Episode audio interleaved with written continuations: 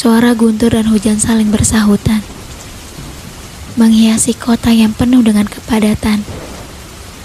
Dinginnya melingkupi, membuatnya memeluk erat diri di halte bus yang sudah sepi. Tanpa jaket, tanpa payung, hanya dibaluti alas kaki dan kemeja kerja yang sudah basah. Gadis dengan rambut bersurah hitam itu menunggu bus dengan penuh keluhan dan serangkaian umpatan diisi kepalanya. Dimarahi atasan, belum sempat makan dari tadi siang, lembur sampai malam, dan kehujanan pula. Bukankah penderitaan hari ini lengkap sekali? Gadis itu memaki kesialannya dalam hati. perkenalkan, Gadis yang sedang menggerutu itu adalah Renata. Perempuan yang sering sekali diberikan bintang satu oleh rekan-rekan kerjanya. Ya karena perilakunya yang tidak cukup ramah bagi mereka.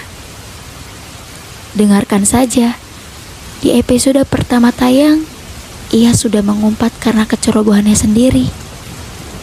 Namun, di balik ketidakramahannya, ada sisi lain yang tersembunyi dan belum ada yang bisa masuk menyelaminya. Tiba-tiba, suara klakson motor menghidupkan hal tebus yang sepi itu.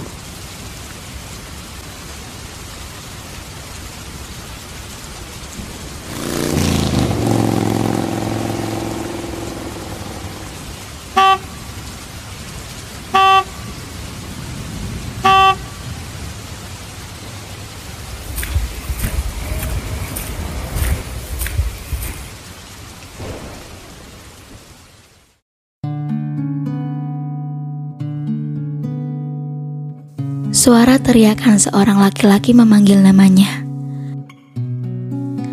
Saat menolehkan wajahnya ke depan, ia mengumpat lagi dalam hati. Benar-benar hari yang terburuk. Laki-laki yang sedang menawarkan tumpangan dengan senyuman yang sangat mereka itu adalah mahasiswa magang di perusahaan tempat Rianata bekerja. Jika Renata diberikan bintang satu karena tidak ramah, maka mahasiswa magang ini pasti akan diberikan bintang lima oleh para rekan-rekan di kantornya. Um, tidak, bahkan bintang yang paling terang di tata surya, yaitu Sirius, si bintang yang berada di konstelasi Canis Major. Seperti bintang Sirius yang memiliki arti berkilau, Mahasiswa magang ini pun sama berkilaunya dengan serius. Ya karena keramahannya tentunya. Dia adalah mahasiswa jurusan sastra Inggris semester 6 di salah satu universitas swasta di Jakarta. Cowok berusia 20 tahun itu sedang magang di kantor Bentala Pustaka, tempat Renata bekerja. Salah satu perusahaan yang bergerak di bidang industri penerbitan.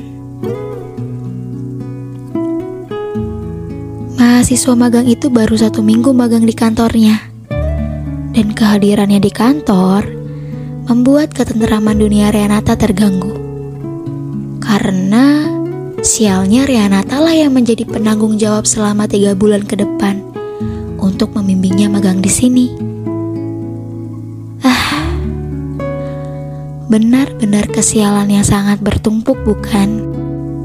Di dunia ini, semua orang memiliki kesibukannya masing-masing, sesak dan penuh dengan bising. Ya, itu sudah menjadi makanan sehari-hari di padatnya ibu kota. Saking sibuknya, menurut Rianata, orang-orang bisa menjadi sangat egois. Seperti kemacetan yang ditimbulkan karena pengendara banyak yang melanggar, para pejalan kaki yang tidak sejahtera karena pengendara roda dua memakai trotoar seenak jidat mereka, ataupun polusi yang bermetamorfosa menjadi awan. Ya karena penduduknya berbondong-bondong lebih menyukai kendaraan pribadi dibandingkan kendaraan umum. Ya begitulah, manusia dengan segala keegoisannya. Menurut Rianata, rasa ego bisa menjadi teman dan juga musuh. Hari ini, ia merasa menyesal telah memberikan payungnya dengan seseorang yang bahkan tidak ia kenal. Seharusnya ia lebih memilih egonya ya, agar tidak perlu kebasahan dan kedinginan di hal tebu sendirian. Penyesalan ini yang membuatnya terkadang lebih memilih untuk berteman dengan egonya. Lagi-lagi, suara klakson motor butut yang menurut Rianata ya, mengusik pendengarannya. Dan mahasiswa magang itu yang selalu menyapanya dengan sebutan Mbak Rea, kembali menawarkan tumpangan untuk pulang bersamanya. Setelah berperang dengan pikirannya sendiri, akhirnya pun Rianata memutuskan untuk menerima tawaran dari si mahasiswa magang itu. Ya karena sepertinya bus yang biasa ia tumpangi jam operasinya sudah selesai, maka tidak ada pilihan lain selain menerima tumpangan dari mahasiswa magang itu. Sebenarnya, Rianata sudah menolak untuk memakai jas hujan dan helm dari mahasiswa magang itu. Namun, cowok dengan kemeja putih di hadapannya ini sangat cerewet. Renata yang malas untuk menanggapi ocehannya pun cepat-cepat mengenakan jas hujan dan helmnya dan segera menaiki motor butut si mahasiswa magang itu. Renata membenci kebisingan. Ia suka hujan, tetapi tidak suka dengan guntur.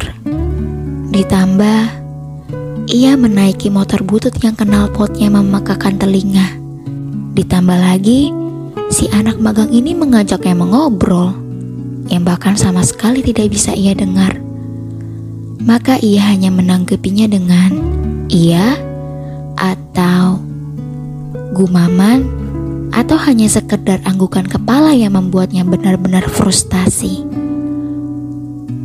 frustasi dengan kebisingan yang mengepung dirinya saat ini. Sabar ya Nata, kalau sabar pasti disayang dengan Tuhan. Um, benarkah Tuhan menyayanginya? Kalau Tuhan menyayanginya, kenapa hari ini benar-benar sangat sial? Itulah kebiasaan buruk dari seorang Reanata. Mengeluh soalnya menjadi jalan terbaik untuk meredakan emosinya.